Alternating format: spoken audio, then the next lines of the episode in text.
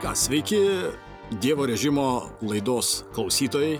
Dėkui, kad mūsų klausotės ir šį kartą naujuose metuose išeiname dar kartelį į eterį pasikalbėti apie žaidimus. Reikia turbūt pripažinti, kad mes čia šiek tiek sukom galvą, kaip čia galima būtų įdomiau padaryti, kad ne tik apie žaidimus, ypač kaip praeitas kartas buvo toks ilgas, išsitęsęs su Artūru ir jo ilgomis gyjomis kalbinėmis. Tai šį kartą bandysime turbūt galbūt šiek tiek būti concise ir parinkom tokią įdomią ganėtinai temą, ko gero turbūt, kad jinai bus e, ir ne tik įdomi, bet ir naudinga jums. Taip, jeigu trumpai apibrėžiant, turbūt yra žaidimų leidėjai, leidybinės kompanijos, kurias galima jau laikyti kuratoriais, kurios iš tikrųjų turi savo braižą ir žmogui, kuris žaidžia ir, ir žino tos kompanijos braižą, jam nereikia beveik niekada na, jis net neturi abejoti, jis žino maždaug, kad jeigu šitos e, leidybinės kompanijos žaidimą žaisiu, tai ko gero jis turės tam tikrą, tam tikrą estetinį stilių arba tam tikrą žaismo stilių, tam tikrą istorijos pasakojimą. Šiandien laidoje kartu su manimi yra Jeva Benetskė. Labą dieną. Ir Simonas Vitkūnas. Labas. Ir aš Andrius Jovaiša. Tai turbūt aš čia norėjau iš tokio, nuo tokio intro pradėti, nes kaip po mano vaikystės vienas baisiausių filmų yra Fredis Kriugeris, tai yra košmaras Gobų gatvėje, o tokia studija, kuri gimė iš tikrųjų labai anksti, 67 metais, kino studija New Line Cinema, jinai prasidėjo nuo Evil Dead, bet iš tikrųjų jinai dar vadinama jokingai The House That Freddy Built, dėl to, kad kai 84 metais išėjo Fredžio na, košmaras Gobų gatvėje, tai New Line Cinema tapo, tapo žinoma. Ir iš tikrųjų E, tai, kad ji, ji iš tikrųjų ilgą laiką, kol nesusilėjo man su Warner Bros., buvo žinoma dėl savo, vat, būtent tam tikro filmų braižo. Ir iš tikrųjų ilgiau pasiknaisius, ma, matosi, kad ir, ir muzikoje yra tas pats, galima paimti Ninja Tune ir ten matysime elektroniką su kažkokiu tai džiazo prieskoniu, Warpai bus su labiau alternatyva ir kažkokiais eksperimentais ir, ir daugybė kitų, vat, būtent tokių tarsi vadinamų indie leidybinių kompanijų arba indie kino studijų, kurias e, žinome, pavyzdžiui, ta pati Casterly Rock, kuri irgi yra, dažniausiai būdavo siejama su Stepheno Kingo filmais. Na ir tamsi žaidimai, ko gero, pribrendo irgi tokiam virsmui kokybiniam. Ir šitas virsmas turbūt galima sakyti prasidėjo, taip grubiai galima būtų turbūt sakyti, kad jis prasidėjo 2011 metais, kai įsisteigė Devolver Digital studija. Ne studija, leidybinė kompanija. Devolver Digital turbūt bent man asmeniškai yra vienas iš tų, iš tų pirmų uh, kartų, kai aš būdamas ganėtinai toks tiesiog tik žaidėjas ir toks diletantas, ne, nesekantis tiek labai, ta prasme, žaidimų kūrimo tos visos ryties iš tos, tarkim, pusės iš užkulisių, jinai pirmą man krito į akis. Uh, labiausiai turbūt, kai tais pačiais metais sužaidžiau uh, Red Strings Club ir paskui, man atrodo, netrukus gavau Ruinerį pažaisti ir paskui ir Shadow Warriors kažkada vat, buvo ir aš taiga pradėjau jausti, kad kas čia vyksta, kažkur tai labai panašus yra tie žaidimai, nors atrodo, jie visiškai skiriasi ir, ir savo ir žaismų, ir, ir grafiką, ir, ir, tu prasme, ir istoriją pasakojimą, bet jie kažkokį turi bendrą jungiantį, bendrą jungiančią e, giją. Aišku, turbūt Devolver Digital, tai čia reiktų nuo pačio pirmo žaidimo, kuris dėl mano klišų lėtenų labai sunkiai žaidėsi, tai aš jo ilgai nežaidžiau, bet turbūt turėjo tą vaibą, Instagram filtrinį vaibą iš, to, iš tų filmų Driver, man atrodo, dar keli buvo tokie panašus. Tai Hotline Miami. Tai buvo, man atrodo, vienas pirmųjų žaidimų. Ne? Man rodos, jie pradėjo nuo Sirius Semo kaip franšizės, kurie jo, pradėjo. Jo, šito aš pakankamai nelietęs. sėkmingi buvo, bet aš tai sutikčiau, kad jų tą tokį tapatybę turbūt Hotline Miami's taip gan gerai mm. apibrėžia. Mm. Kas yra keista, nes na, jie ne, ne kūrėjai, jie kaip ir leidėjai, bet Na. tas jų toks pirmas iš verslo prasme sėkmingas žingsnis buvo, man rodos, atrakinantis tai, ką jie ir vėliau darė, ką jie vėliau rinkosi leisti. Iš tiesų, tai turbūt reikia pripažinti, kad e, mes kalbam apie tam tikrą trendą, kuris turbūt dar galima sakyti taip gimsta, bet jis gimęs yra, bet jis dar toks tik tai įsisukinėja. Nes e, tokios, tokios leidybinės kompanijos, kurios iš esmės turi savo braižą, tai galbūt tokias ryškias, aš, aš matau tris, jūs turbūt daugiau gal matot. Mhm.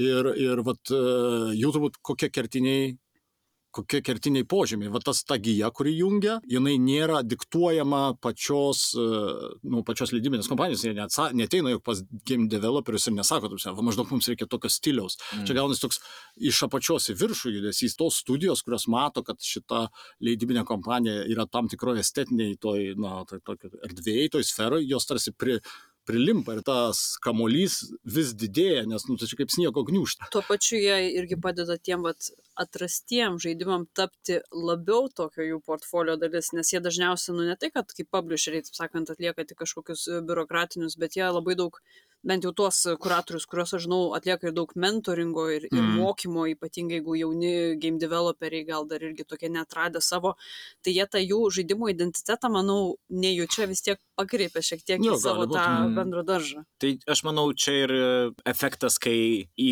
įgauni tą pagreitį, kaip tu tą judančią gniuštę sakai, tai pats tas leidėjas, jisai pradeda suprasti, kokia yra jo auditorija iš mm. tikrųjų, kai tai jau yra, nežinau, penktas, šeštas žaidimas, e, kur ta auditorija persidengia, mm -hmm. ne mhm. kažkiek, kaip, kaip su tuo žaidėju, kaip prie jo prieiti, kaip su juo kalbėtis, kas jam yra svarbu ir, mm -hmm. ir mhm. panašiai. Tai man rodos visai gerai galima tai matyti Devolverio E3 tokiuose kabutėse, konferencijose. Mm -hmm. Niekas šiaip iš, iš vatų kitų leidėjų, apie kuriuos mes šiandien ir kalbėsim, kažkokio vat, atskiro evento, happeningo nedaro. Taip. E3 metu Devolveris ta prasme šiek tiek išsiskiria, jis bando gal lygiuotis į tą aukštesnę lygą, kur, kur, jau, kur jau didesni leidėjai žaidžia, bet ta stilistika tų, tų visų prezentacijų, kaip jie tos savo naujus žaidimus ir naujus produktus pristato, jinai yra, nežinau, punk, anarchizmas mhm. kažkoks, mhm. chaosas mhm. visiškas. Nėra, tai nėra tas įprastas biznis, kur taip, visi taip. su švarkais ir... Taip, taip. Okay, ten yra žmonių su švarkais, bet dažniausiai tai reikalinga su, siužetui ten, kad kas nors, ką nors ten su to kostiumu po to krauju aptaškytų tą kostiumą, o ne, o ne šiaip savo. Tai man rodos, man mhm. rodos tie, tie, tie filmukai gera pradžia netgi pamatyti tą, kaip, kaip tie žaidimai susijungia į kažkokį, mm. vat vieną, nu, čia turbūt galima net ir sakyti, kad čia yra kažkoks nu, irgi produktas, ta, ta, tas, ta, tie filmukai, ar ne? Jo, kai kažkas už to stovi ir dar pasako, ei, šitą žinokit visai neblogas žaidimas, mm. tai tikrai paskatina net ir tokius labiau tokio žemesnio to production value kažką mm. išbandyti, nes tarsi jau jis yra vetuotas, ne, jis jau kažka, mm. kažkas jau pasisakė, kad čia yra galbūt patirtis, kuri tau patiks. Šiaip, e, Simai, tu šiaip, kiek žinau, Devolverio toks žaidėjas ilgalaikis, tai kas apibrėžia Devolverio vat, portfolio, kokio tipo žaidimus jie mm. kūruoja daugiausiai? Tu matai. Nu, šiaip turbūt žanrais neišeis kažkaip apibrėžti, nes tie, tie žanrai per daug yra skirtingi. Um, ten nuo, nuo žaidimų ėjimais iki labai aktyvių uh, twitchy e, žaidimų, uh, bet man atrodo labai viskas susiriša per, per būtent va, tą tokią tamsesnę pusę, sakykime, pasaulio, mhm. kurią, kurią reprezentuoja tie, tie žaidimai. Mes čia prieš laidą su tavim šnekėjom, tai man rodos, uh, tu visai gerą tą frazę pasakėjai, toksai prie, prieš distopinis nejaukumas. E, Visose Devolver žaidimų pasauliuose jisai, jisai tvyro, kad kažkas, kažkas tikrai nėra gerai su, su tuo, kas dedasi aplinkui tave ir, ir, ir ar su žaidimo veikėju, ar kai kurie žaidimai jau ir yra po, po postapokaliptiniai iš tikrųjų, bet, nu, tas toksai aš ten nesakyčiau liūdėsys kažkoks ar niurumas, bet kažkas yra ne visiškai ok. Ir man gal, aš iš karto paminėsiu vieną žaidimą, kurį norėjau, norėjau šiandien paminėti, tai aš e, pastarąsias m, savaitės visai a, pražaidžiau nemažai a, Cult of a Lamb, mhm. a, kuris buvo pernai metų berots mhm. toks, a, e, nu, gal didesnis žaidimas iš Devolver, nežinau, kiek sėkmingas jisai buvo, a, bet a, e, man, man tai buvo tam tikras nusivylimas, man, man tas žaidimas nelabai ne, ne galbūt prilipo, bet jis man labai gerai parodė apie, apie tą, tą gal platesnį kontekstą, kokius žaidimus e, Devolveris, e, kas dar gali juos sieti. Mm -hmm. Cult of the Lamp, čia toks trumpas, trumpas apibūdinimas, yra žaidimas apie eriuką, kuris turėjo būti paukotas seniesiems dievams, bet jis buvo išgelbėtas kažkokios mistinės būtybės, kuri, kuri jai tam eriukui suteikė galę būti e, kulto vadovų, tam tikras supergalės kovoje ir, ir panašiai. Ir e, nu, įpareigoja kurti, žodžiu, naują kažkokį Mhm. kultą. Ir, ir, ir visas žaidimas susideda kaip ir iš tokių dviejų dalių. Vienoje dalyje tai yra toks e, a, a, arena broleris, sakykime, kur tiesiog, na, įeini į kambarį, yra kažkiek priešų ir, na, turi kokį nors vieną magišką galę, gali su kardu daužyti, gali dodžinti ir dar koks nors ten su- superį kokį nors ten savo užbūstint gali. Um, ir, na, bandai ten tų, kuo daugiau tų ka- kambarių išvalyti, prisirinkti resursų, nugalėti kažkokį minibosą, po to kitą minibosą ir gr- grįžti į tą a, antrąjį žaidimo lygį, kuris yra tavo kultas, kuriam vis daugėja a, pasiekėjų, kurie kuriem reikia valgyti, kuriem reikia sukurti darbo vietas, jie ten meldžiasi, už tas jų maldas gali gauti ten upgrade'us, bonusus, taip toliau ir panašiai.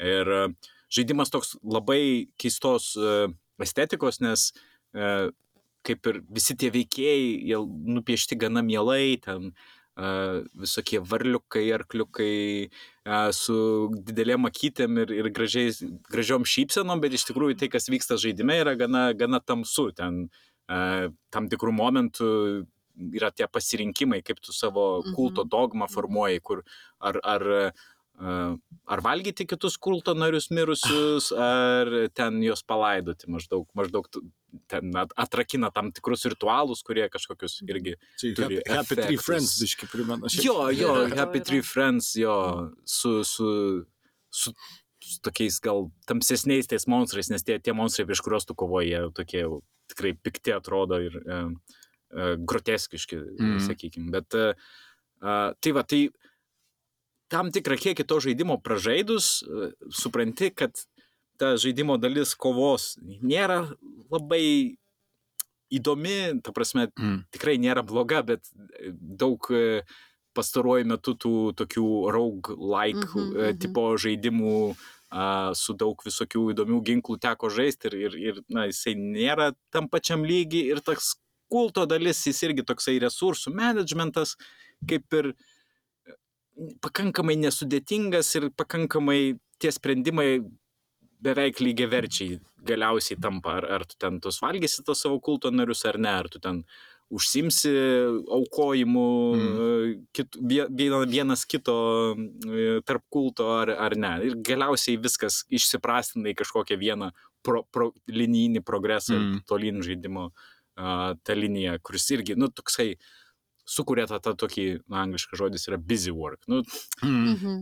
kas išlieka, kai jau nukrenta visa šitas, šita užsklanda, tai išlieka nuotaika. Mhm. išlieka ta tokia atmosfera, kur, kuri tave verčia kažkaip jaustis, ar ne? Mm. Kai tu, kai tu matai tą labai laimingą veidelį, kuris eina į pentagramos vidurį, o visi aplinkui užsideda koptuvus, nu, tai nėra kažkokia galbūt gili emocija ir gilus išgyvenimas, bet tai yra kažkoks vaibas. Ir jisai, man rodos, sujungia ir kitus Devolverio žaidimus, mm. kur, Mhm. kur galbūt ta mechaninė žaidimo pusė ir istorinė žaidimo pusė nėra galbūt pati aukščiausia, bet ta nuotaika, kurią žaidimas sugeba sukurti, jinai yra gana Mhm. unikali. Ir, irgi šiaip Cult of the Lamp sekiau labai nemažai socialiniuose dar prieš jam išeinant, nes jisai darė ganėtinai tokį ilgalaikį marketingą. Nu, jis labai nemažai apie save reiškėsi, bet viskas labai buvo būtent per tą kreatyvą pusę. Ir man asmeniškai tas žaidimas patiko būtent va, dėl jo tokio prieinamumo.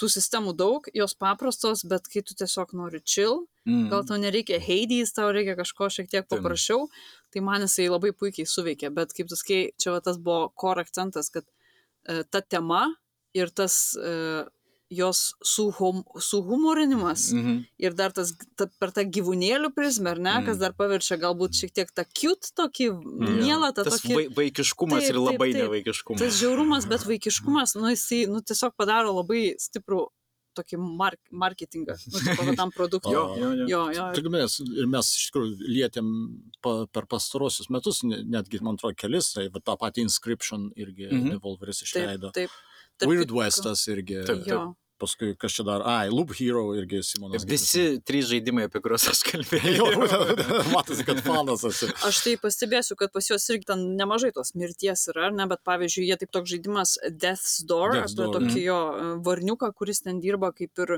nu, vadinkim, nu, net ne tai, kad pragaro, bet kažkokio pomirtinio pasaulio Giltinė, kontoroj, jo. Taip, taip. kontoroj, jo, irgi toks šiek tiek suruglaitų, toks niuriai estetiškas, minimalistinis. Mm. Ir tas pats Gris irgi priklauso. Oi, jiems. Gris, jo, jo, aš Kur- didžiulis fanas. Taip, Gris, taip, kur visai estetika, nu, ta prasme, kitokia, tokia Mhm. šviesi, tokia, nežinau, moteriška gal net galima pavadinti tam Mhm. tik. Kiek- Bet Gris yra žaidimas apie visus e, stages of grief. Aha, A, Gedulo stadija. Gedulo stadijos, jo, ir visi leveliai ir yra apie Mhm. visas gedulo stadijas, spalvų gamos yra reprezentuoti kiekvieną gedulo Mhm. stadiją ir tiesiog ta mirtis yra pateikta nu, ir praėjimas, susi, susitaikymas su mirtimi yra pateiktas, nu, taip žiauriai liūdna, bet taip gražu. Jo, ir man, man tas buvo Devolverio toks irgi Mhm. kabliukas, kur Mhm. tipo, Mm.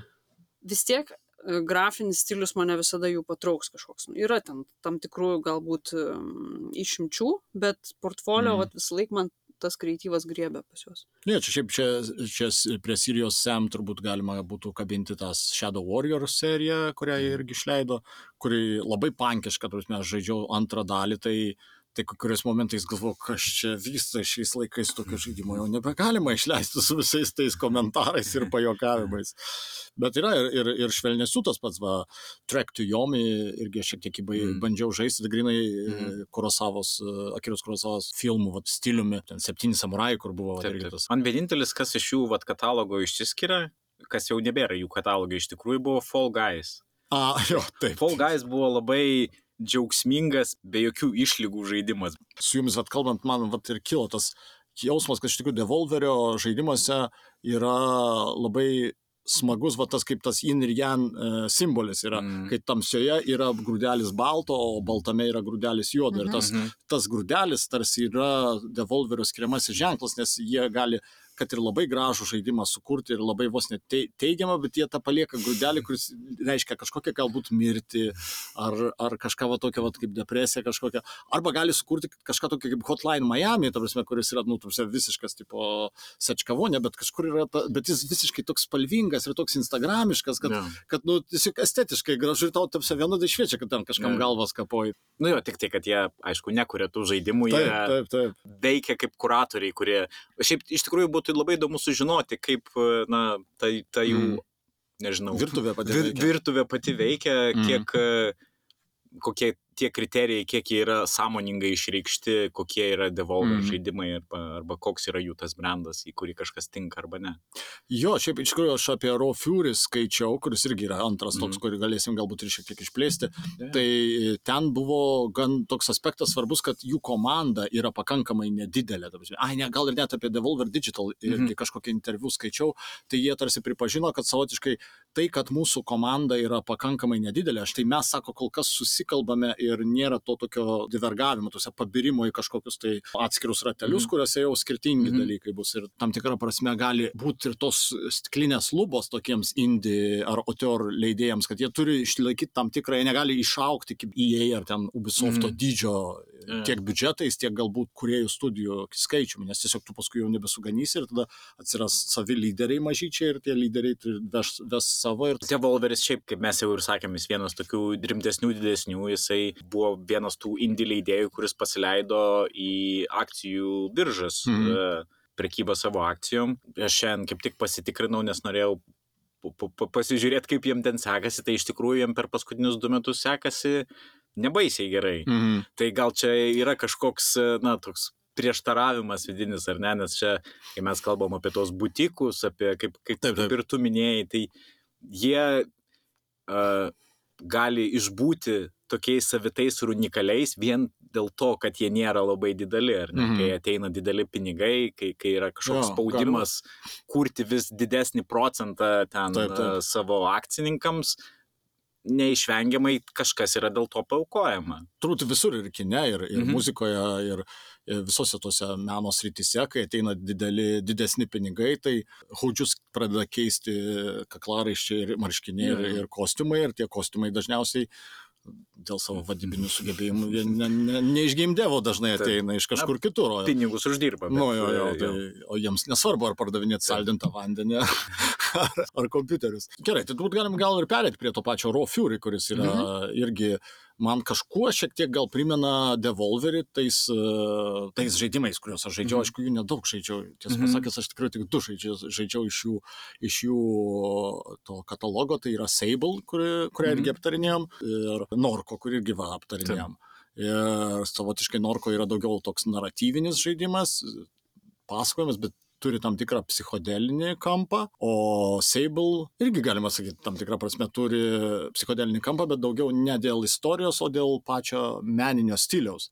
Kaip čia pasakyti, jis, jis atima iš tavęs tą bet kokį norą kažkaip varyti iki galo. Tiesiog Mhm. tenais per tos smėlynus su ta mergaitė ant to e, hoverbiko varai ir, ir tima, e, muzika be, besikeičianti su dienos ri- ritmu ir šviesa dienos, jinai tiesiog taip užbūrė, kad, e, kad tu esi tiesiog tame pojūtyje ir, ir pats žaidimas yra kaip pojūtis. Aišku, ir jis kurtas yra taip, kad jame Mhm. nebūtų jokios konkurencijos, tau nereikia ten kažko žudyti, tiesiog eksplorinė ir viskas. Bet aišku, jūs gal žaidėte iš Raw Fury kažką kito, jo labiau, Mhm. kad Raw Fury, dar reiktų priminti e, istoriją, turbūt, kad įsteigtas jis 2015 metais ir jį įsteigė e, žmogus išėjęs iš Electronic Arts Dice ir iš paradoksų irgi išėjęs Mhm. žmogus. Tai va tie du žmonės įsteigė pirmosiuose savo marketinginiuose medžiagose save pristatinėjo kaip unpublisher. Tai Mhm. kažkas vat, būtent kaip atvirkščiai paprastam publisheriui ir tai, Mhm. tai irgi tas jaučiasi ko gero. Bet aš nežinau, jūs gal matėt, jūs žaidėt vis tiek gal kažkokių kit- kitų jų žaidimų iš Raw Fury. Aš šiaip esu žaidus, bet ne per daugiausiai, nes aš, aš asmeniškai nematau pas juos kažkokio identiteto kaip kuratoriaus. Aš tą vardą žinau gerai, bet jeigu man pasako Raw Fury žaidimas, nu, kaž, kažkokiu nekyla man tenais triggerių. Tai aš šiaip esu žaidus, ten yra toks Night Call, yra apie tokį taksistą, toks noir, e, juodai baltas Mhm. naratyvinis žaidimas. Šiaip jie nemažai turi visokių... Um, vadinkim, gal base builderių, kaip juos čia pavadinti, tame portfolio, tai aš kažkaip dažnai praskipinu tokio tipo žaidimus. tai, tai nedaug ką iš tikrųjų Mhm. radau čia nais, kas buvo man, Mhm. apart Sable ir, ir Norko, ką tu jau Mhm. minėjai. Aš tai, aš tai gal tada iš kitos pusės pasakysiu, nes man kaip tik tas identitetas man netrodo iš uh, kažkokios ideologinės pusės Fury, man atrodo iš uh, gal net mechaninės pusės žaidimuose, nes Mhm. tai, tai ką aš žaidžiau, tai buvo, na, Sable žaidžiau, mes net ir e, podcast'e aptarinėjom tą žaidimą, bet kas man labiausiai yra įstrigę iš jų katalogo, tai yra du labai nedideli žaidimai, tai yra Bad North ir uh, Townscaper. Jie Mhm. šiaip abu yra vieno kūrėjo uh, sukurti, išleisti, išleisti per Raw Fury, bet tie žaidimai yra neturi jokios istorijos iš tikrųjų, ten Mhm. nėra, nėra naratyvo, na, beveik nėra jokio. Mhm. E, Tik tai, kad su- sukurti kažkokią aplinką, kuriam, kuriam vyksta. Tai Bad North yra uh, labai mažo, mažo mastelio taktinis strateginis žaidimas. Vinietė tokia. Jo, jo, jo, toksai Aha. dio, diorama gal, kur, kur kaž, labai ten tų mažai tų žmogeliukų, bet jie mažoje erdvėje bando ten išsistumdyti taip, kad, e, taip, Aha. kad e, pergalė tavo pusėje būtų. O Townscaper iš viso yra turbūt net teisingiau vadinti kažkokiu žaislu, nes jis net kažkokių labai tikslų neturi, jis Mhm. yra labai gražus būdas statyti miestelį saloje kur tiesiog spaudi ir gali keisti savo namelių spalvas, gali daryti tiltelius, kažkokius perėjimus, labai aukštus namus, mažus namus ir dėliotis kažkokį tokį pei peizažą. Mhm. Jis irgi, nu, labai mažas, bet pakankamai sulaukia net ir e, pasisekimo, būdamas toks gan nestandartinis, tarkim, ten Steam parduotuviai toks a, produktas. A, a, ir dar vieną prisiminiau, aš jo nelabai žaidžiau, bet e, Kingdom yra vienas tokių Raw Fury e, hitų, jas kelias Mhm. mhm. netgi turėjo variacijas, po, po Kingdom buvo tas kopinis Kingdom, Mhm. a, po to New Lands berots irgi kaip tesinys ir e, berots šiemet jie dar kažkokį vieną spin-offą ar, ar, ar, ar kažkokį sequelą. Nu, iš čia vienas Irgi iš jų pirmųjų, galima sakyti. Jo, jo, jo, bet jis, bet jis 15. tikrai labai sėkmingas ir ta žai, to žaidimo skiriamasis božas irgi yra jo paprastumas. Mhm. Tai, ta, tai yra žaidimas, kur tu esi žmogus su karūna, nes po to yra tas Kingdom Two Crowns, tai reiškia Two Crowns, nes du žaidėjai. Ir tu bandai tą karūną išlaikyti ant savęs, nes žaidimas pralošiamas, kai, žodžiu, tie monstrų atima iš tavęs karūną. Nu, ten yra papildoma kažkokia mechanika, bet tai, ką tu darai žaidime, yra eini į kairę arba į dešinę ir gali paimti monetas arba duoti jas kažkam. Na, tai Mhm. ten duodi ten kažkokiam kaimiečiui, jis ten tau tvorą pradeda statyti, ten duodi kažkokį, sumoki kažkokiam um, lankų gamintojui, staiga jau turi lankininką, kuris ten tave apsaugos, bet tai yra visiškai minimizuotas tavo ta interakcija, bet e, Aha. tai sukuria pakankamai, na, tikrai nelengvą žaidimą, bet e, įdomu, vėlgi, be, be Mhm. jokios istorijos, tokia kaip ir įdomi, įdomi strategijos atšaka. Tai man Raw Fury yra toksai maksimalus paprastumas, Mhm. kad bandant nu, nu, nu- nukarpyti šakas, kurios kažko neprideda, aš nesakau, kad jų žaidimai yra maži, nes Sable tai, nu, šiaip pakankamai jisai Jo, nėra didelis, labai. bet pagal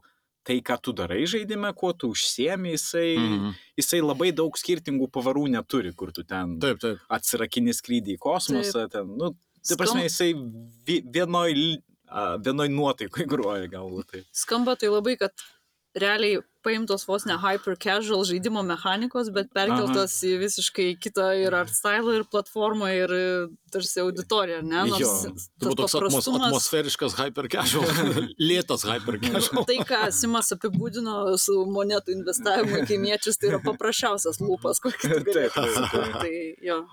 Jo, šiaip galbūt tai yra, vat, kiek mes dabar papasakom, nu, tarkim, gerai, Norko galima sakyti, kad jis labiau patenka į tos vat, Anapurnos galbūt mhm. Mhm. lauką, tiesiog pasakojamasis toks. Jo, jo, bet aš, aš manau, kad tai vienas kitam dalykai tie netrukdo. Na. Tas paprastumas Jo, ne, jo. ne, nesutrukdo žaidimui būti ar įdomia strategija, ar Taip, įdomių taip. žaislų, ar Taip, įdomių būdų papasakoti vat, tą tokią Mm. Norko nu, istoriją, kuri nu, Na, jau. Ten jau yra fokusas, ar ne? Taip, bet, taip. bet ta šerdis žaidimo, jinai, man rodos, Raw Fury yra tikrai tokia paprasta ir dėl to Mhm. prieinama.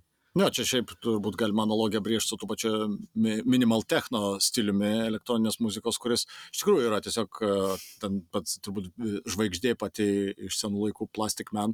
Tai jo, jo visas ritmas visą laiką būdavo toks tuf, tuf, tuf, tuf, tuf ir paskui kažkas ten zzz. realiai, daugiausia, nu, buvo tame pati ta estetika to tokio visiško ramybės po Mm. visų šitų reivų, kurie būdavo, kur visi taškydavosi per e, tas diskotekose. Mhm. Tai va tas toks ramus, ta prasme, kalimas, e, jis, mm. Mm. ar ten tos, tas pats monoleikas, kur žmonės eina iš proto dėl jų, nors Mm. atrodo, tipo, žmogui, kuris ne elektroninė muzikoje, sakysiu, kad čia neįdomu, čia prasme, ta pas, tas pats per tą patį groja. Tai va čia turbūt gal Raw Fury ir bus e, tas e, deimančiukas, kad jie Mm. bando kažkokiu būdu Jo. nuri, nurinkti tą, tą vat, visą tą karkasą, kurį visi mes kraunam, kraunam žaidimuose, nu, nes visi nori tarsi kad žaidime būtų visko daug, tu, tu galėtum ir, ir, ir open worldas, ir, ir biški strategijos, ir truputį RPG. Kad galėtum surašyti prie produkto aprašymą, kiek skirtingų mašinų, kiek skirtingų Jo. Šarvų, kiek upgrade'ų šitam žaidimui yra. Ir dar ne. DLC, kad būtų. Bet tuo pačiu tai ir sukuria ir prieinamumą, ar ne? Tai gal tu iš pat pradžių pasižiūri tą pixel artą, galvoji, nu, blin, čia bus kažkas labai old schoolinio ir Mhm. neintuityvaus, Taip. bet paskui tu pasižiūri 10 sekundžių, kaip viskas paprasta ir gal tave bent jau demo sudomina Mhm. atsisiųsti. Jo, šiaip to, tokie žaidimai galėtų turėti tą vat, žemą slengstį įėjimo, nes kokiam Seible, nu, tai Taip. nėra, tarkim, žmogų, kuris vis- visiškai nežaidęs, ir kaip tu jį pakviesi, sakysi, va, atsisėsk ir daryk kažką, ir tu prasme, ten net nu, nereikia daug nieko mokytis. Jo, nes, pavyzdžiui, palyginant su Devolveriu, kurį mes aptarinėjom, tai jie tikrai to, to nesimato jų katalogė ten, ar, ar Loop Hero su savo begalybė paslėptų visokių Jo, jo, jo. slaptų mechanikų, ar ten Inscriptionas, kur yra Jo, iš esmės labai didelis galvosūkis Mm. mm. visas žaidimas. Jo, Devolverį reikia mokėti žaisti. ta prasme. Mm. Nu, aišku, gal tas e, kaip Red Strings Club e, savotiškai irgi buvo toks pasakojamasis Mm, mm. ir labai šiaip, aš jį visą laiką visiems rekomenduoju, bet tik nežaidėjau. Sakyt, pixel arto. Šitas, kur kokteilius reikia maišyti. Taip, taip, taip. taip, Jo, taip. žinau. Nors ir kitas, man atrodo, ar ne jų buvo God, Gods Will Be Watching, toks irgi sudėtingas. Mm. Bet aš nesu tikras, ar, ar aš klystu, bet irgi pixel artas. Ten irgi apie uh, laivą, kuris sudūšta kažkaip planetą. Jo, negyvenamai saloj. Jo, ir ten, ir ten aš kelis kartus ant iPado esu pradėjęs žaisti ir aš nežinau, kaip to. Tai aš tiesiog pirmam skyriuje pastringu ir aš nežinau, ką daryti. Bet, tai... bet matosi, kad ten riebi istorija yra apačia. Bet... Tai gal kalbant apie prieinamumą, galim pereiti prie Anapurnos ir, Jo, jo, ir jo. istorijų, Mhm. nes Anapurna Interactive tai toks irgi, kaip pasakyti, ir blogų atsiliepimų yra susilaukusi Mhm. vienais metais, irgi kuratorė e, slash e, leidėja, tai jinai kaip ir yra Anapurna Interactive save apibūdina kaip um, ieškanti žaidimų, kur asmeniškos patirtis, bet sukurtos visiems. Mm. Tai reiškia kažkas, ką tu patyrei, bet tai yra užtektinai pop, kad būtų galima dar ir Mhm. parduoti neblogai ant kelių platformų. Tai man šiaip Anapurna irgi asmeniškai visa buvo tokia kuratorė, aš vis pasižiūrėdavau, ką jie naujo prisėmė po savo sparnu, nes mano šiaip vienas mėgstamiausių žaidimų Kentucky Route Zero, tai yra būtent jų toks šiek tiek biški gal irgi uh, melancholiškas, bet toks minimalistinis apie Amerikaną, apie road tripą ir man labai patiko, kad jie buvo vieni iš tų vienintelių, kurie, ne, kurie davė tau dialogo pasirinkimus, kurie nieko nekeičia. Bet jie tiesiog turėjo tą filosofiją, kad dialogas ir pasirinkimas yra kaip teatre tavo tiesiog performances. Tai yra išraiška tavo, tavęs ir tavo veikėjo tam momente, kaip tu jautiesi Mhm. ir tai niekur neturi nuvilnyti. Ir iš Mhm. tikrųjų tai yra labai labai gerai, nu, iš dizaino pusės šiaip labai gerai padarytas žaidimas. Jis toks irgi galbūt ne visiems, bet man jis iš vatų nenaratyvinių, tai iš tikrųjų tokia labai Mhm. aukštą kartelę laiko. Tai pasano purna, aišku, yra ir tokių šaunių žaidimų kaip Stray, arba kitaip žinomas, tas vienintelis žaidimas, kur tu esi katinas. Jo. Taip, em, taip, bet aš žaidžiau taip. ir labai tikrai jisai, jis galbūt ir skiriasi, šiek tiek, nes, nes Anapurna yra dažniausiai naratyviniai, ta prasme, o šį čia tu tam tikrą prasme naratyvo neturi, nes tu esi katinas, o robotai kalba nesuprantama. Oi, tai tu darai visus katinui būdingus naratyvus. Tai yra dras, Katinų draskyti, būti dėžėje, stumdyti dalykus nuo paviršiaus. Ta prasme, ten yra tik katinų istorija, pagaliau aš galėjau ją patirti. Ačiū, ačiū, Anapurna. Jo, e, šiaip tikrai pačias yra portfolio ir, ir tokių nu, susilaukusių apdovanojimų nemažai. Pavyzdžiui, tas žaidimas Florence, kuris buvo e, vienu metu laimėjęs visus mobiliųjų Mhm. Baftai jisai be. Taip, netgi Baftais buvo laimėjęs irgi super trumpas, gal, gal valandos net netrunkantis Aha. žaidimas, bet irgi toks, nu, tipo Apple, toks estetika, viskas Aha, švaru. Jokio, jokio, nėra to Mhm. lašinio ant šono, kur, kur nereikalinga buvo pridėta. Uh, tai jo, tai šiaip pas juos, vat, ir tas 12 minutes, kurį, kurio mes, man atrodo, apie kurį nekalbėjom, bet irgi tas Užsiminė, man atrodo, kažkiek. Bet, gerai išmarketintas su Dafoe Mhm. uh, balsu, ar ne, apie, apie tą užstrigusi Mhm. laikę ciklą viename kambaryje, Jo, toks irgi toks teatriškas. Na, jo, kaip roglaitas, bet, Taip, Taip, taip, bet jo, jo. Tai vad man kažkaip patinka jų tas toks, nežinau, tarsi ir niša, bet tuo pačiu, nu, niekada Mhm. kažkokio shovelware aš pas juos nerasdavau, kas, kas galbūt su mažesniais naratyviniais kuratoriais kartais būdavo man ta problema. Tai šiaip e, jie ten, aišku, kaip ir sakiau, anais metais buvo šiek tiek susilaukę e, negatyvaus, negatyviaus spaudos, pavadinkim taip, Mhm. nes pasirodo, nepaisant to, kad visi tie ir Florence, ir tie naratyviniai žaidimai, jie visada save pozicionuoja, kad jų studijose yra viskas labai gera, švelnu, kadangi visi kūrė tokius šviesius Taip. apie emocijas, apie tipo, šviesę ateitį žaidimus. Tai dėja, ten buvo toks irgi skandalas pas jūs iškilęs, kad pradėjo skustis būtent iš pačių studijų vidaus leidėjų, kaip Anapurnai. Kad paskirti Jūną su bizūnu. Nu, kad, ta prasme, tiesiog, žinai, kažkoks ar, ar emocinis smurtas, ar bulinimas, ar tiesiog per didelių ego asmenybių kažkoks visų kitų užgožimas. Mhm. Tai kažkaip Anapurna taip nesureagavo ir pasakė, kad žaidimai yra nekuriami silpnų asmenybių. Tai maždaug, jeigu jūs norite su egocentrikais ir sociopatais dylinti, tai taip jūs turite tą padaryti, tik tas žaidimas bus geras. Tai tada jie šiek tiek nu, pakrito mano akise su tokiu problemų nesprendimu. Bet šiaip jie turi tokių visai neblogų uh, žaidimų, kurie išeina, tarp kitko, va šiais metais. Tai vienas gal toks, apie kurį šiaip nieko nereklamuoja, bet jis vadinasi uh, Cocoon, kaip kokonas. Ir, Aha. ir jį kūrė būtent uh, pagrindinis žaidimo dizaineris, kuris sukūrė Inside ir Limbo. Mhm. Tai čia Playdeadų uh, studijos kaip ir žmogus. Tai šiaip žaidimas yra ženkliai spalvotesnis negu anas, bet, bet visa va ta estetika ir toks kažkoks Mm. nesuvokimas, o apie ką čia tas naratyvas, tai va visas tas mm. yra išlaikyta. Tai aš dar kokio vieno laukiu, tai va to storyteller, kuris bus toks kaip puzlė, puzlė naratyvas, kur tu turėsi Mm. trys, trys langelius ir turi sudėti. Taip, čia A. Anapurnas yra Aha. kur tiesiog e, irgi yra pasirinkimas, kaip istorija sekasi, ne? jo, bet tu dėlioji tiesiog žmogeliukus. Tai tipo, yra kadrai, pavyzdžiui, trys komiksų, tu įmeti nežinau, princas šalia princesės. Antras kadras jau ta pasikeičia, kad jie ten galbūt dabar yra tipo lovers. Bet Aha. jeigu tu išmė princesę, įmeti ten kažkokį karalių, tai antras kadras jau ten apie kažkokį konfliktą. Ir, žodžiu, Mhm. tu, tu tarsi gauni pasižais su Mhm. tom istorijom. Tai šiaip tikrai paturiu, kam patinka naratyviniai žaidimai, pasižiūrėkit, ką jie planuoja nais metais, kitais metais, atsiprašau, tai yra, yra ten visai reikalų. Šiaip Anapurna iš tikrųjų galbūt tas e, mindsetas ateina iš to, kad jie iš tikrųjų ateina iš kino. Taip. Jiegi turi, jie, jų vat, išleisti Her yra tas, Mhm. mhm. paskui Zero Dark Thirty ir labai fainas e, The Master buvo apie tą Scientologijos įkūrėją. Labai trenktas psichodeliškas filmas su, su jau numirusiu šito Seimūru Hoffmanu. Labai, labai geras filmas, tik tai jo reikia žiūrėti taip nusiteikus. Tai Mm. mm. jie 2016 metais, bet tam tikrą prasme, di diversifikavo savo veiklą į, į žaidimų sritį.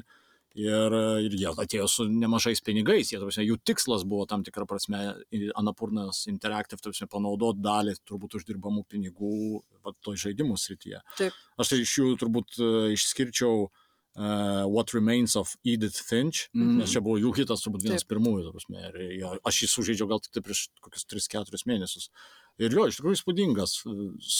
Aišku, kai kažkodėl aš anksčiau žaidžiau Gone Home, Mhm. tai labai man kažkaip vos net persiklojo tam tikrą prasme, Mhm. nors aišku, Gone Home mažia, mažiau, mažiau spalvingas, mažiau toks sapniškas, toks, toks paprastesnis, o... o... Jo, bet čia gal net ir buvo vienas jų pirmesnių, nes A, gal, gal, gal senesnis, man atrodo. Home buvo perleistas jų, jis, jis originaliai Mm. buvo kažkieno kito, bet jie dabar jau turi ant savęs, tai kaip ir nesiskaito. Gerai, originalo. gerai, nesiskaito. Nu, pažiūrėjau, Artful Escape man buvo vienas tokių A, žiauriai gražus, e, toks grinas amerikietiškas indie filmukas apie, nu, kaip ten e, Perks of Being Wallflower ar ten Juno, va, mm. Mm. tokio stiliuko, tu prasme, grinai, tipo, e, paskui aš nesenai visai žaidžiau irgi va tokį trumputį, kuris e, kažkaip man su Florence su, surezonavo, MMOR Blue, tu prasme, tokia japoniška trumputė pasaka, irgi ten valandos ilgi, bet aš sugebėjau visi kažkaip dvi valandas susivinti, aš nesuprantu. Mm. Tai irgi pasakojimas apie mamos ir dukros ryšį ir apie tokį tam tikrą jo, jo nutrukimą ir paskui kaip tą, tą longing, tą visą tokį, žinai, pasilgimą to, ką tu jau esi praradęs, nes vaikystėje to nebuvo. E, paskui irgi užmestas yra The Outer Wilds, kuris yra irgi labai Šitus faina laimės, ne? idėja turi, kur tipo ten ateini, planetoje išsiaiškini, pasistatai laivą, išskrendi ir, ir skrendi ir, ta prasme, kiek ten 21 minutę, man atrodo, Jo, jo, aš, sesija. aš vat, kaip tik tu gerai paminėjai, čia aš norėjau pasakyti, apie ką, apie ką man yra ta Anapurna, nes, nes man atrakina tas Outer Wilds. Mhm. A, tai jo, aš tikrai sutinku, Anapurna yra pirmiausia istorija, pasakojimas ir tikrai labai yra kiniška. Kiniška, na, ne iš, ne, ne, ne iš kinematografiška, teisingai, ne, ne iš kinijos kilę. Bet uh, man tai yra kinematografiška dėl, dėl to momento, uh, nežinau, dėl to, to uh, susijungimo uh, vaizdo ir, ir, ir garso. Nes, mm. nu, kino, kino viena iš tų magijų yra, kur jisai su- sugeba sujungti kažkokį garsinį Mhm. krūvį emocinį su, su vaizdiniu kažkokią emociją ir, ir na, galiausiai gaunasi daugiau negu tie abu dalykai atskirai. Tai man rodos, Anapurnos žaidimuose tai labai gerai atsiskleidžia, kaip kokiam va, tam indie filme, kur ten Juno ar Perks mm. Mhm. of Being a Wallflower, kur vyksta kažkokia scena, veikėjai kažkokį, nežinau, lūžį išgyvena ir, ir, ir, nežinau, sėdant dviračio nuvažiuoja į tolį ir kamera iš lėto seka paskui juos, ten fone koks nors saulėlydis ir po truputį, po truputį koks nors indie roko Taip, taip, soundtrackas kyla ir, ir tu tiesiog sėdi ir medituoji su tuo kadru ir dar ten, aišku, žodžiai tos dainos Mhm. ten puikiai pataiko ir, ir, ir tas Mhm. toksai tas sėdėjimas tam momente su muzika ir su vaizdu, vat man yra Anapurno Mhm. žaidimai. Tai uh, Outer Wilds yra labai tas irgi Mhm. tas geras momentas, kurį tu užkabinai, nu čia aš nežinau, ar spoileris, nes tai labai anksti įvyksta, kad, kad, kad nu, tu taip. supranti, kad tai yra ciklas ar ne, taip. bet kai tu, kai tau jau tampa aišku, kad tu na jau baigėsi tas tavo ciklas, ypač pirmus kartus, mm. bet, Mhm. ir, bet ir vėliau jisai išlieka, kai tu jau nieko žaidime nebegali daryti daugiau, mm. Tu jau nebenuskrisi į kitą planetą, nebe, nebepaimsi kito informacijos kropelio, Taip. tu tiesiog sustoji ir nebeturi ką daugiau daryti. Nėra mygtuko skip taip, šitą taip, ir, taip. ir į kitą Mm. dieną. Taip, Tu taip. tiesiog stovi, žiūri į tą besiplečiančią supernovą ir, Jo, jo. tiesiog medituoji. Tai... Žinai, aš ką prisiminiau, kad net ir straight turėjo šitos momentus, nes tu irgi Mhm. kaip Katinas, e, nu, turi questą, aišku, bet gali prigult tam tikrose vietose Taip, jo. ir tiesiog užmigti ir va tada vyksta grinai tai, ką tu apibūdinai. Scena pamažu zoominasi, zoominasi Mm. ir groja kažkokią muziką ir Taip. tiesiog apžiūri visą tą environmentą, kažkaip su to Katinu ten pamiegi kartu, paskui tokia, o gerai, laikas eiti. Jo, jo, šiaip aš jo šitą darydavau specialiai, nors tapsi tai nieko ne, neduodavo, bet jo, toks Bet- labai fainas, bet- jo, jo, atrodo, jo. kad nors, nors, nors atrodydavo, kad tu esi specialiai skurta, kad tu tiesiog nueitum pailsėti, ir esi toks screensaveris, tarsi Mhm. tampa ir sukas viskas. Jo, šiaip Anapurna, e, šiaip 12 minučių, va, 12 minutes man buvo toks vienas iš tokių gal anapurniškas, bet e, jis mane šiaip net ir subėsino truputėlį, nes jis buvo toks ta mechanika buvo tokia klanki visa, vis atrodė, kad tu turi taip, vos ne pixel huntų kažkokį užsiminėti ir, ir tas truputėlį išmušė iš to tokio pasakojimo stilio. Nors, Mhm, aišku, mhm. tie aktoriai ten, kaip suprantu, be Vilėmo Defo ten buvo visi aktoriai neblogi, nu, tie, kurie garsino, Taip, tipo, taip, jie taip, taip. Bet tai turbūt čia dėl to jie ir atėjo į žaidimus tie aktoriai, nes, nes Anapurnos Taip, gale, taip, gale yra tose dviejose Jo. pasauliuose sugebėti. taip. Jo, šiaip aišku, Anapurna dar, tai aš paskui šiandien paskaičiau, kad visgi jie irgi, va, tokiu, irgi šiek tiek užsima to verslu, kad jie cross-publishina e, tarp PC ir konsolių. Jie, Pavyzdžiui, Journey perpublishino ant PC ir Windows'ų, arba atvirkščiai tą patį Gone Home iš PC į konsolės perkelė, tuose jie tokie, va, nu, savotiškai irgi sanitaro darbą, kad vi- visi galėtų paragauti Mm. šito. Aš dar no- norėčiau, aišku, kaip pats būdamas nuo, nuo, nuo lenkiškos pusės, tai nors, aišku, Simonas šitą užrodė, tai Playway. Mhm. Tai yra taip vad- vadinamieji lenkiškų simulatorių šiukšlinimai.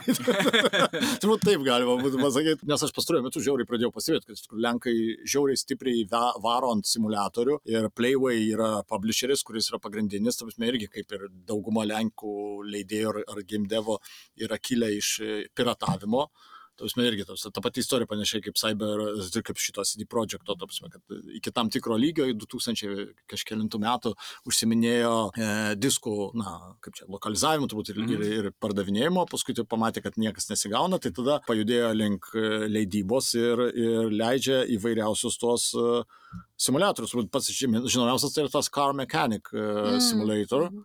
Bet aš dabar skaičiau, ten yra įvairių, yra popiežiaus, vestuvių planuotojo, yra narkotiko dilerio, paleontologo, prezidento ir da- daugybė kitų. Aš, aš šiaip neseniai žiūrėjau, neseniai, nu, gal ir senokai, bet iki šiol atsimenu, kaip žiūrėjau Farm Simulator e-sports uh, čempionatą. Labai įdomu, kaip What? komandiškai žmonės bando optim, optimizuoti, kas ten kokią kaugę šieno kada paims, kad greičiau nuvežt, nes ten įsigilinė iki galo. Tai čia, čia mes, mes dabar juokiamės, nes galbūt taip, taip. mes nesam tie žaidėjai, bet labai akivaizdu, kad yra tikrai rimta auditorija, Taip, taip, kuriem, kuriem norisi to, ką tie simulatoriai duoda, tokį Taip, taip. turėti labai tiesioginį poveikį aplinkai žaidimo, kuri, Taip. kuri tave supa. Ko kai kurie žaidimai neturi, nu, tu ten gali Taip, taip. monstrą nušauti arba iš vienos vietos nueiti kitą, peršokti platformą, bet savo tos aplinkos pakeisti, Mhm. tu ne, ne visą Aš, laiką. aš kai ka, kaime užaugęs, tai aš visą laiką norėjau būti traktoristu ir didžiausią gėdą darydavau Taip. mamai, kai mokykloje pasakydavau, žinai, sakydavo, tu nori būti inžinierium ar kažkokiu gydytoju. Ne, ne, aš noriu būti traktoristu. Taip. Tai aš turiu tiesiog didžiulį fetišą traktoriams ir visokiai žemės ūkio technikai, tai farming simulator, ta prasme, aš beveik Jo, jo, visą jo. laiką žaidžiu ir būna tos sesijos, kur aš atsisėdu ir tose tiesiog ariu tenais, renku burokus, žiauriai fainai. Bet, e, aišku, Playway e, turbūt daro truputėlį labiau tokius tos simulatorius. e, Daug kas iš tikrųjų, kaip aš ir skaičiau, šiek tiek kritikos yra, kad jie iš tikrųjų dažnai daro, kad tai vadina trailer company, kad jie Mhm. realiai pa, pa, pristato tą simulatorių ir, e, ir tas simulatorius dažnai būna tiesiog, nu, palūžęs ir ne iki galo išdirbtas, mhm. jis toks būna, va, tu įsijungi, nu, ten pažaidė ir turbūt ir numeti paskui Mhm. dažniausiai. Nes, nu, pagalvokim, tuose, jie Lenkijoje dirba su 120 developerių, kai visoje Lenkijoje, tuose, čia gal žinios yra iš prieš porą metų, yra 450 developerių. Tuose, tai tai yra kažkas su ketvirtadaliu visų dirba ir pardavinėja. Ir tai yra dažniausiai, nu, ten, kiek suprantu, vis tiek lyderis yra tas. Čia turiu omeny studijas, ne. ne Taip, su šimtu, asmenis, jo, jo, bet da, dažnai tos simulatorius kūrė vienas žmogus, du Jo, žmonės, jo, tai tos jo. studijos tokios mažytės. Jo, nu čia, čia, aš tai manau, kad čia turbūt labai daug tame jų modeliai yra bandymo surasti, kas yra va, tas sekantis Taip, Farm taip, taip, taip, Simulator, taip. kas yra tas sekantis House Flipperis koks nors, Taip, taip. kas, kas eina, nes, na, nu, pat, pats vardinai variantų, apie Taip, ką taip, taip, daryti taip, simulatorių yra labai daug. Bet jau šitoje vietoje tampa, tampa taip, taip truputėlį pradeda atrodyti kaip toks, žinai, Lenkas spekuliantas, kažkas, Šiuo, žinai, nesvarbu, ką mes svarbu simuliuoja. Nes iš tikrųjų, sakau, daug kritikos skaičiau spaudoje apie tai, kad ten truputėlį taip nėra visi patenkinti labai šitais simuliatoriais, jau lab, kad net jau dabar ir, ir ta, Lenkų vat, apžvalgininkai kalba apie tai, kad biški gesta šita, šita sritis, nes visi Mm. tiesiog pavargo ir truputėlį atsikando tų simuliatorių.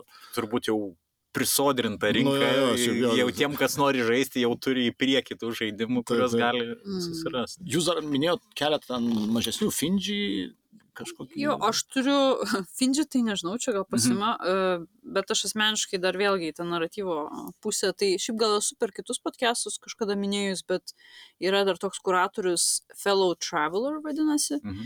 tai jis asmeniškai irgi toks, nu, kur ieško ir padeda kurti ir padeda vat, pakreipti kažkokį Mhm. savo um, identitetą tokiem žaidimam, kurie turi savo kaip jie apibūdina, naratyvą savo brandolyje. Tai irgi, kad viskas, iš ko jie ateina, yra pagrindę Mhm. kažkokią istoriją. Tai vad Citizen Sleeper, A, kurį tu tiksliai. aptarinėjot, nam epizode, ar ne, tai vad būtent yra jų Genesis Noir, kurį mes irgi buvom kažkada pakalbėję, tai vad irgi yra būtent jų portfolio. Geras. Man asmeniškai labai patiko seniau buvo toks Orvelas, e, toks kaip tekstinio, teksto Mm. managemento žaidimas, Taip, kur taip. tu Mhm. turėdavai ištraukinėti informaciją apie žmonės ir tada tą informaciją paduoti tam didžiam broliui ir žiūrėti, mm. kaip tu gali pakreipti linkmę. Geras, reikės Jo, jo. pasirasti. O šiaip mėgstamiausias vat, iš jų būtent tai yra, šiaip labai mažai mačiau, kad kas nors apie jį kalbėtų, bet uh, siūlau gal pasižiūrėti. Tai buvo toks Neo Cab, jisai toks, nu, nes nepaskaičiau, kad cyberpunkinis, bet toks neoninis vadinkim. Mm. Ir tu ten žaidži už merginą, kuri vairuoja kaip ir Uberį. Ir tu per naktį turi prisimti kažkiek ten klientų, jie pas tave įlipa ir tu su jais bendrauji.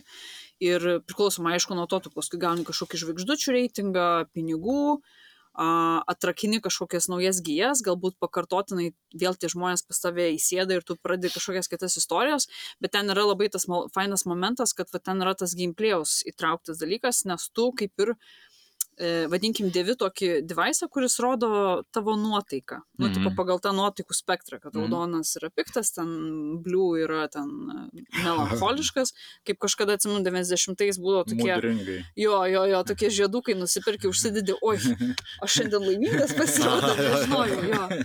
Ir man labai patiko būtent, kaip tai yra surišama su dialogo mechanika, tai reiškia, taip kaip tu kalbi, pradeda įtakoti tavo nuotaiką ir nuo tavo nuotaikos pradeda keistis tavo dialogo pasirinkimai. Mhm. Tai jeigu tu jau pradedi tapti piktesnis, tai tada visi maždaug tokie yra atskniskit, eikit velniop ir panašiai, Mhm. kas eskaluoja tavo toliau emocinę būseną, Aha. ne? Tai, tai tu vat, turi kaip tas taksistas nuspręsti, kiek reikia kalbėti su savo e, pasažioru, o kiek ne. Mhm. Tai šiaip ten yra ir toks detektyvas, e, gilesnė linija, kuri, nu, tipo, paskui visai ten neblogai traukia. Tai šiaip man, man iš to portfolio labai šitas Neo Cab e, įstrigo, kai aš jį žaidžiau. Šiaip tie Fellow Traveler, be to, kad jie palaiko pačius kuriejus, tai jie dar rengia tokią kaip ir, nu, vadinkim, mini konferenciją, kuri vyksta gegužės pradžioj, vadinasi Ludo Nara Con.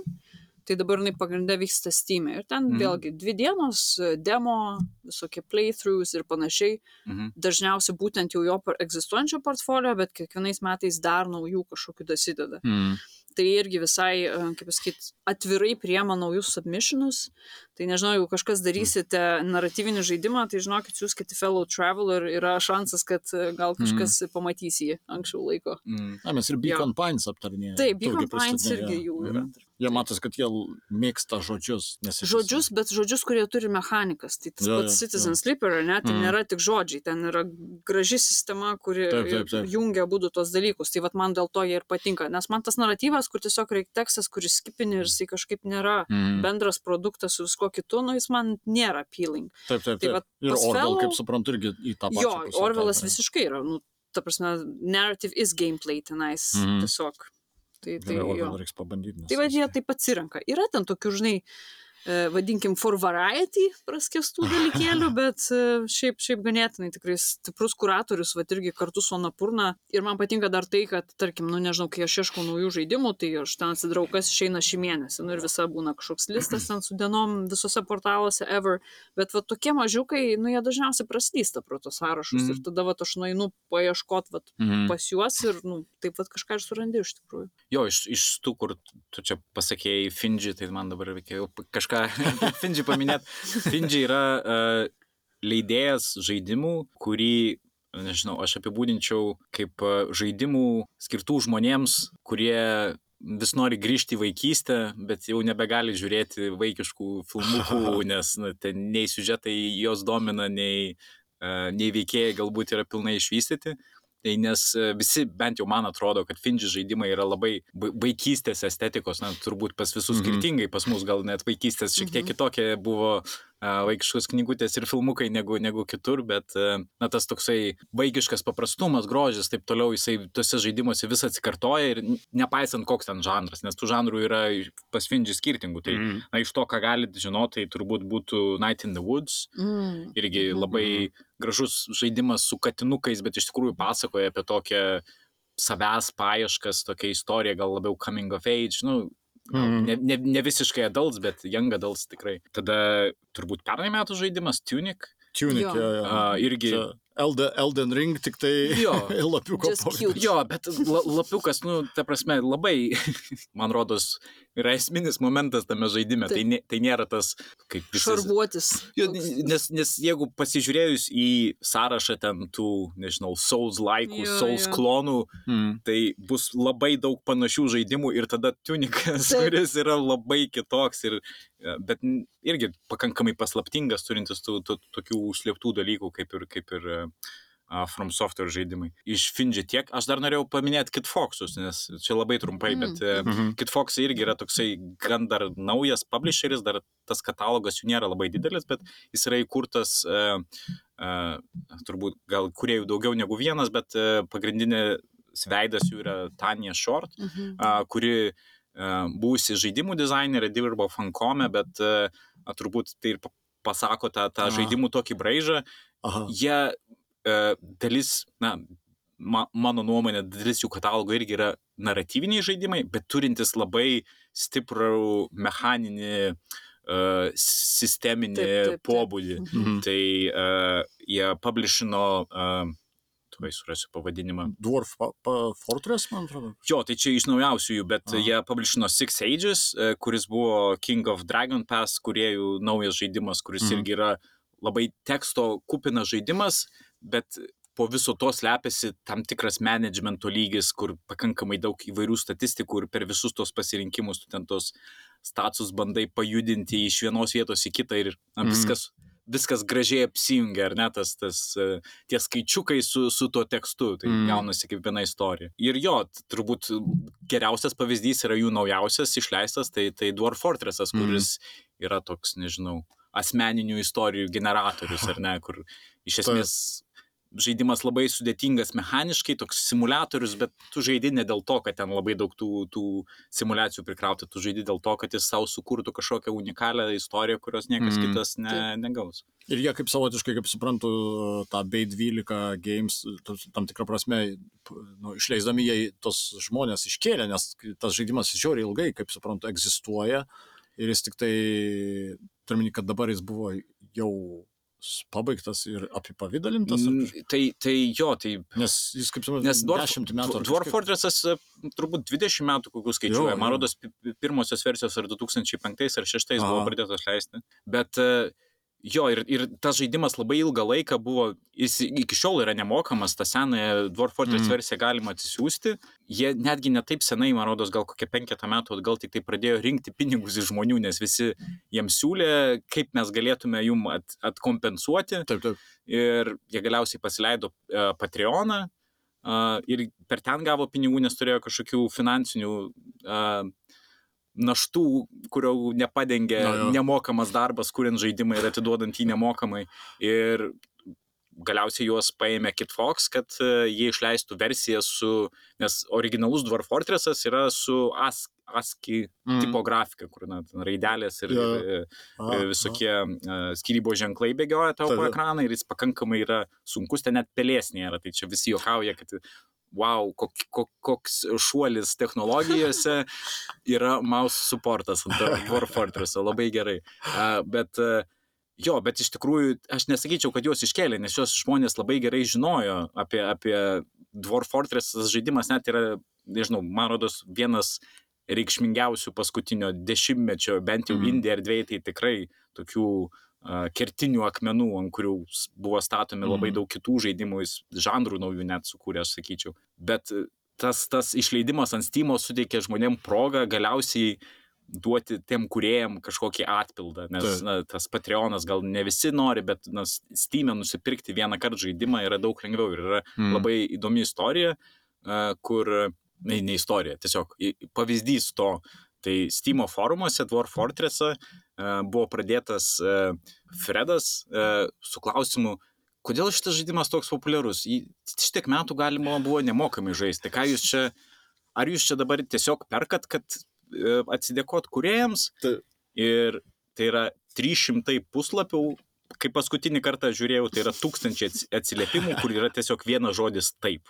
Ir tiesiog daugybė žmonių sako taip, mes tiesiog norėjom atiduoti kažkokią duoklę Mhm. tiem, kurie. Aha. Tai čia, čia toks buvo off-topikas į Aha. Dwarf Fortressą, bet jo, Kit Foxai jų visas, visas portfolio irgi yra Mhm. toksai naratyvų paremtas, bet, bet s- stiprus mechaniškai labai. Mm. Kiek žinau, ten tas e, irgi iš naujesnių yra tas Boyfriend Dungeon. Jo. kuris man kažkiek primena supermasyvų tranzistorių, kur tavo ginklai būdavo tavo veikėjai ir tavo Taip, taip, galios taip. būdavo veikėjai, tai čia tavo ginklai yra vyrai, kurios, kuriais tu gali susitikinėti, ar veikėjai. ne tik, Ne tik vyrai, ne, nes aš šiaip nežaidžiau, bet Jo, aš žinau, kad ten yra uh, visual novelės ir uh, dating simulatoriaus kombinacija su tokiu kaip ir biški hack and slash, Taip, biški taip, taip, roguelike, taip. ne? Ir tos, ir tos dvi dalys susisieja. Jo, kiek, jo, tu, taip. kiek tu ten dungeon crawlini su vienu kardu, tiek tu ten gali su juo po to pašnekėti ir kiek tu gerai Taip, pašneki, taip. tiek jis ten bonusų gauna po to. Tai la- labai įdomus, vat, Jo, labai miksas, įdomi taip. sąjunga naratyvo gameplėjus. jo. Ne, tai,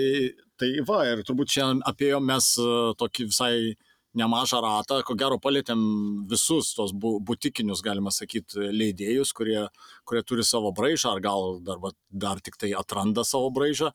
Aišku, tikimės, kad e, Dievo režimas, kad nors e, pataps bent jau šiokio tokio kuratoriumi ir jūs, jūs tiesiog e, klausysitės mūsų laidų ir sakys, dva, va, patarė, jie va žaidė, dabar išbandysiu šitą. Mes esam kuratorių kuratoriai. Mes kuravom kuratorių sąrašą. Taip, mes sužiūrim už jūs visus šitos kuratorius ir, ir didžiasias leidimės kompanijas ir pateikėm jums mm, savo nuomonę apie geriausius perlus, kuriuos randam tarp šitų pelenų. Tai ačiū, kad klausotės. Su jumis buvo Dievo režimas, buvo Simonas Ditkūnas Iki. ir Jeva Beneckė ir aš. Andrius Jovaiša. Laidą e, kuria Lietuvos žaidimų kuriejų asociacija, kurią finansuoja Lietuvos, žai- e, Lietuvos žaidimų kultūros taryba. Lietuvos kultūros taryba. Tai ačiū, kad, kad klausotės ir iki kitų susitikimų. Iki.